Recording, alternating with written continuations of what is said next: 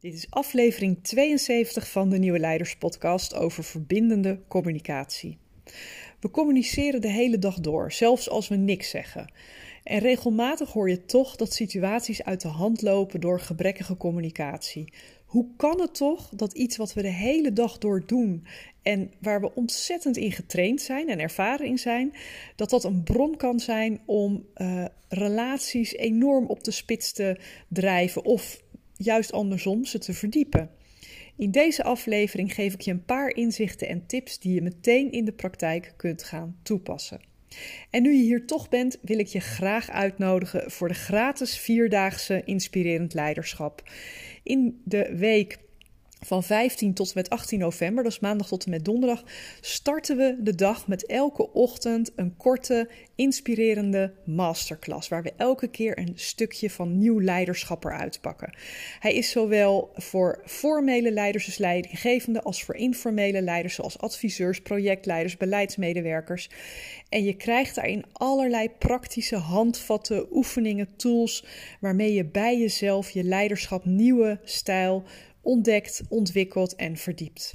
Nou, wil je je daarvoor aanmelden? Kijk dan op mijn website deimplementatiedokter.nl slash vierdaagse streepje inspirerend streepje leiderschap. Of kijk even in de show notes, daar staat de link in opgenomen. En hartstikke leuk als je daaraan gaat meedoen. Ik wens je veel plezier bij deze aflevering van de Nieuwe Leiderspodcast.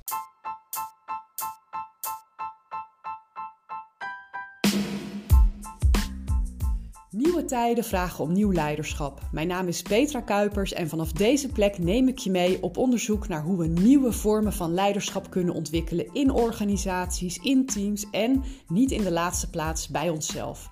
Samen herschrijven we de definitie van leiderschap. De Nieuwe Leiderspodcast is een podcast vol inspiratie en informatie voor formele en informele leiders. Let's go!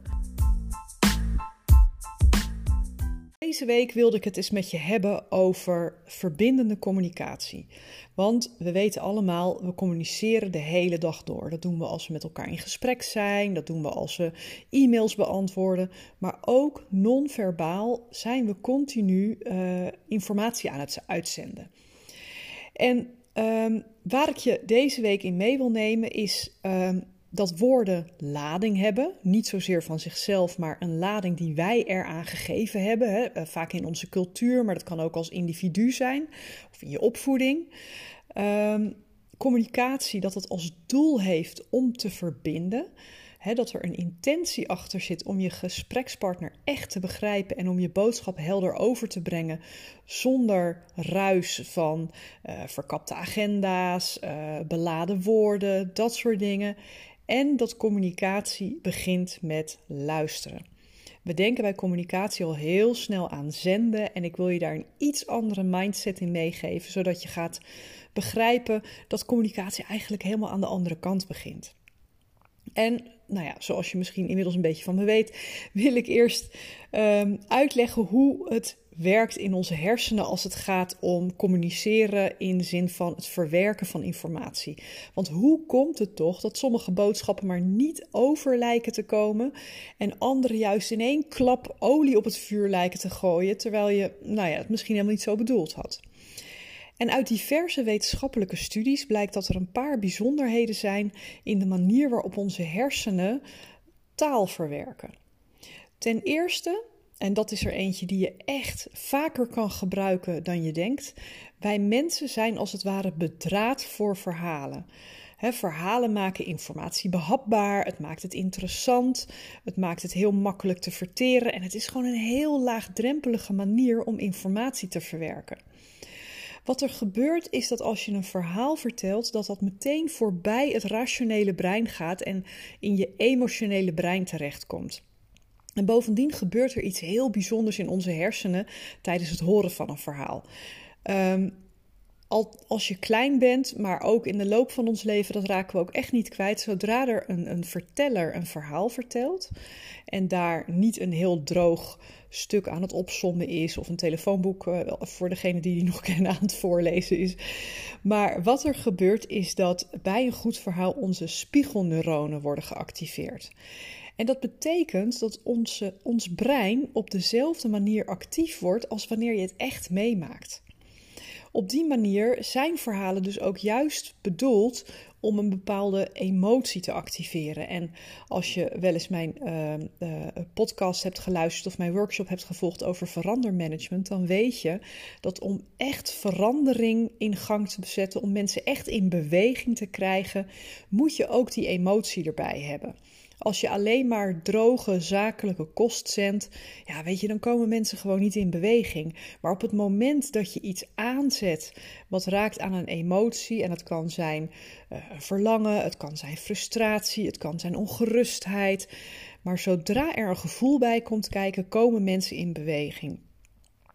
En wat je van dit mechanisme kunt leren, is dat je dus je invloed kunt vergroten door het verhaal te vertellen. Um, en uh, je hoeft geen verhaal te verzinnen, maar uh, ik, ik uh, doe veel voor mensen die een rol hebben als adviseur of projectleider. Um, wat heel zinnig is, is om niet het, het, technische kleine stukje uit een verhaaltje te pikken van wij zijn, weet ik veel, een proces aan het digitaliseren, maar dat je even helemaal terugpakt op waarom zijn we hier nu mee bezig? Wat is de reden dat we dit doen? Hoe wordt de wereld beter, veiliger, mooier? Uh, vriendelijker als wij dit stukje hebben gedaan. Met andere woorden, er is altijd wel een niveau te vinden waarop je, uh, ook al is het heel technisch waar je mee bezig bent, maar dat je het in een hele uh, verhalende context kan plaatsen. Het geeft natuurlijk ook een bepaalde verantwoordelijkheid. Hè? Het is wel belangrijk om je bewust te zijn van met welke intentie uh, je het verhaal vervolgens brengt. Hè? Als het is om mensen te manipuleren of om ze bang te maken, wat we op dit moment in de media helaas heel veel zien gebeuren, ja, dan, dan uh, gaat dat ten koste van je zuiverheid, van je integriteit. En dat is niet het stukje wat je wil hebben. Je wilt dat mensen op een integere manier geraakt worden door uh, wat je vertelt. Nou, een ander neurologisch feitje dat voor ons werk ook relevant is, is dat positieve verwoordingen altijd eenvoudiger worden begrepen. En het is heel vreemd, maar als je erbij nadenkt, uh, uh, voel je het misschien zelf ook wel. Ons centrale zenuwstelsel is niet goed in staat om om te gaan met het woordje niet. Negatief geformuleerde zinnen worden minder goed vastgehouden, ze worden minder goed verwerkt, dus de boodschap komt minder goed over. En nu doe ik het, hè, de boodschap komt minder goed over uh, als je het woordje niet gebruikt. Een heel simpel, maar altijd heel duidelijk voorbeeld zou zijn als ik je nu opdraag om niet aan een roze olifant te denken. Nou, hoe komt dat? Onze hersenen vertalen woorden razendsnel in beelden, in geuren, in, in zintuigelijke uh, ervaringen. En daarbij kunnen ze gewoon heel weinig met het woord niet of andere negatieve formuleringen. En het woord niet bestaat ook alleen maar in taal. Niet in geluiden, niet in gevoelens, niet in beelden, smaken, geuren. Um, als jij een soort ja, intern bioscoopschermpje hebt waar je uh, uh, de communicatie, de informatie die je tot je krijgt, uh, projecteert, dan kan je niet zoveel met, met het woord niet. En dat geldt dus ook als jij een boodschap wilt overbrengen aan anderen. Het woord niet, dat is, ehm, nou ja, dat, dat, dat wordt minder makkelijk verteerd. Er zit nog een ander aspect aan. Je kent misschien wel het gezegde: wat je aandacht geeft, groeit. En positief geformuleerde boodschappen gericht op wat we wel willen communiceren of bereiken, in plaats van wat we niet willen, die helpen je uh, om de boodschap over te brengen. Want de hersenen verwerken dus die positieve boodschap beter. Maar ook om de focus te leggen op dat wat je wilt bereiken. En dat betekent natuurlijk niet dat je alleen maar blije en optimistische boodschappen mag, uh, mag overbrengen. Wel dat je je bewust moet zijn van de manier waarop je taal gebruikt. Negatieve formuleringen, dubbele ontkenningen, dat soort dingen maken boodschappen ja, gewoon minder effectief. Een paar voorbeelden. Uh, uh, vergeet niet om je rapportage op tijd in te leveren. Zou je kunnen vervangen door denk eraan om je rapportage op tijd in te leveren precies dezelfde boodschap, alleen wordt die verder verwerkt. Uh, iets als, uh, en die kom je nog wel eens tegen, helaas, uh, ook in geschreven teksten veel, daar sta ik niet onwelwillend tegenover. Ja, weet je, waarom niet gewoon, daar ben ik wel toe bereid. Kortom, kies je woorden um, met zorg en zorg dat je positieve formuleringen hebt waar het woord niet in vermeden wordt en dubbele ontkenningen in vermeden worden, maar ook dat je het makkelijk maakt om het op je interne telefoon of je telefoonscherm, je interne bioscoopscherm uh, te projecteren. Dus dat het beeldende taal is gericht op de actie of het resultaat of de, uh, de beweging die je wilt bereiken. Nou, dat is een min of meer taalkundige dimensie van communicatie. Maar hoe komt het nu dat bepaalde interacties energie vreten of negativiteit lijken uit te lokken, terwijl andere als een zonnetje lopen? En om dat te begrijpen wil ik heel kort nog even stilstaan bij een aantal beginselen van verbindende communicatie. En laten we eens beginnen met een voorbeeld. Uh, uh, je moet een voortgangsrapportage maken en je hebt daarvoor input nodig van je teamleden. En een van je teamleden is elke keer te laat met het aanleveren van informatie. En jij zegt, je bent weer te laat met je rapportage. Nou, positief verwoord, niet helemaal, uh, niet helemaal gericht op het resultaat wat je wil hebben, maar het is, het is een constatering. Alleen de manier waarop je het zegt um, lokt een hele grote kans uit dat de ander reageert met een opmerking als: Ja, ik heb het ook veel te druk om dat er ook nog bij te kunnen hebben. Hè, verdediging. Of ja, maar je vroeg het ook pas gisteren, dus hoe verwacht je nou dat ik daar nog tijd voor kon vrijmaken? Beschuldiging. En zo is de toon van het gesprek gezet. Jij begon met een constatering die voelt als een aanval. Je bent weer te laat met je rapportage. En daarmee uh, geef je de ander als het ware een duw en de ander zal geneigd zijn om terug te duwen. En het zal vervolgens best lastig zijn om op een positieve manier met elkaar verder te komen. Hè? Om, om de relatie te behouden op een manier dat je samen ook tot een oplossing kan komen. Nou, wat gaat hier nu mis? In onze communicatie veroordelen we elkaar voortdurend. Hè? En daardoor creëren we afstand in plaats van verbinding te maken. Hè? Opmerkingen als: je bent te laat, je luistert niet, uh, onderbreek me niet steeds, zeur toch niet zo, dat soort dingen.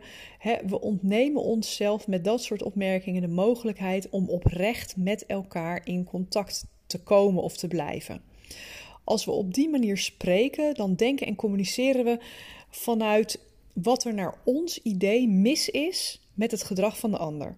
Onze aandacht is dan gericht op het vaststellen in hoeverre iets fout is. En die gaat niet over onze behoeften, of de behoeften van onszelf en de behoeften van, van de ander natuurlijk ook niet.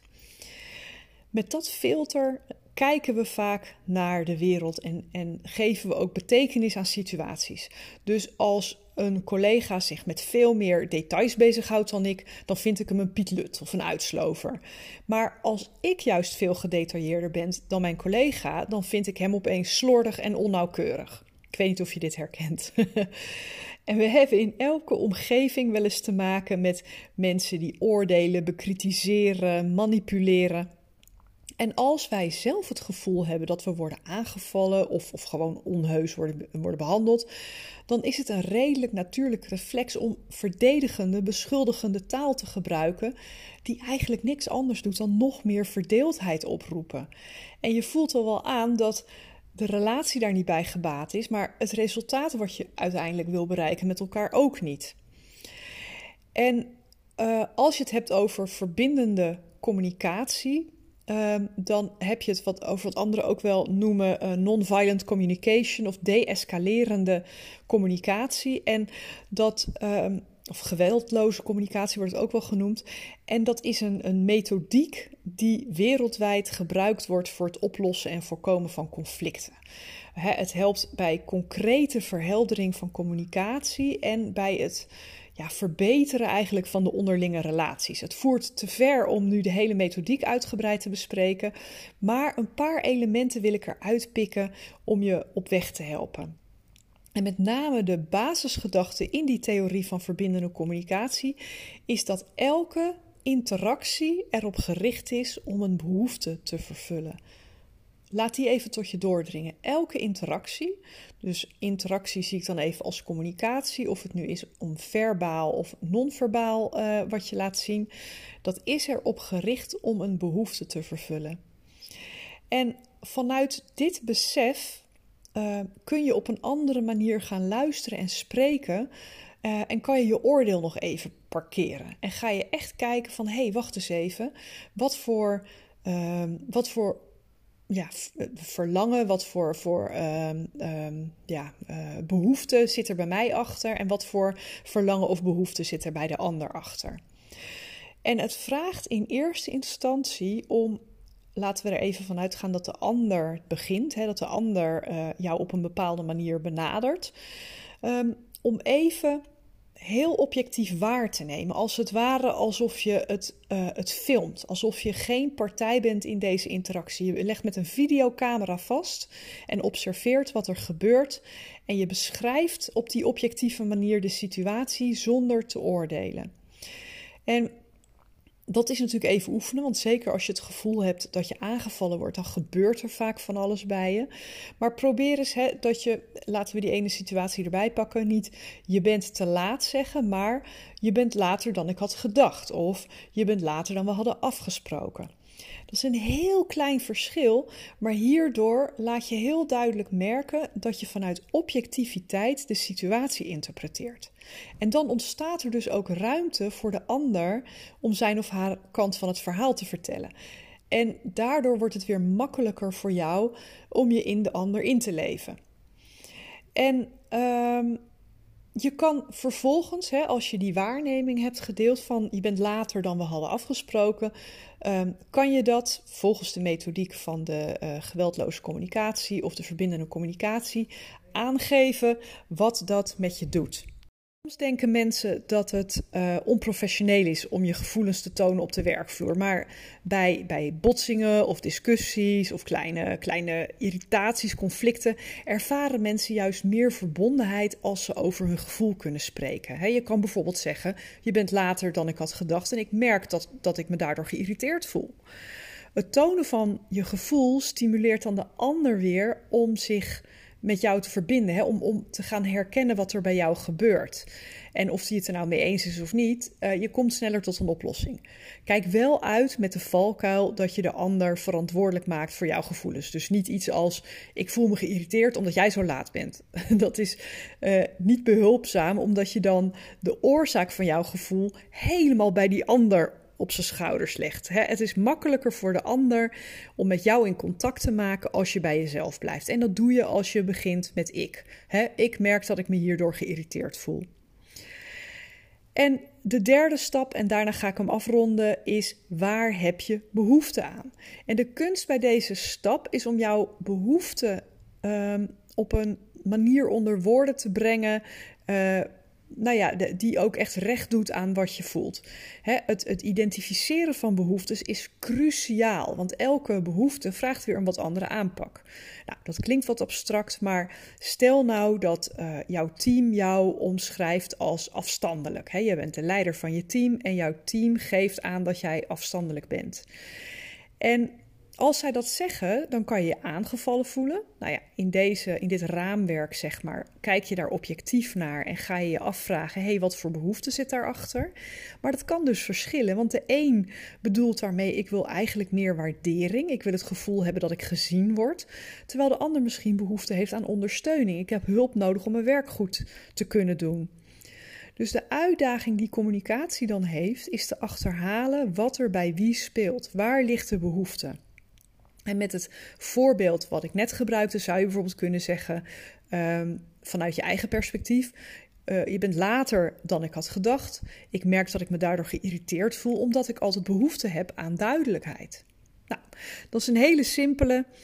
Um, en, en daar wil ik het even bij laten. Als je er meer over wil lezen, ga vooral eens googlen op non-violent communication, geweldloze communicatie, verbindende communicatie. Dan vind je waarschijnlijk een schat aan informatie. Um, maar ik wil je in eerste instantie uitnodigen om er eens mee te gaan oefenen. Probeer eens om alleen al een dag na te denken bij wat je ziet gebeuren aan communicatie. Welke behoefte kan hierachter zitten? Want als je daar wat, wat alerter op wordt, als je daar wat bewuster van wordt, dan maakt het al dat je communicatie een heel stuk soepeler gaat lopen. Nou, ik hoop dat die waardevol voor je was en ik spreek je uiteraard heel graag weer bij de volgende aflevering van de Nieuwe Leiders Podcast.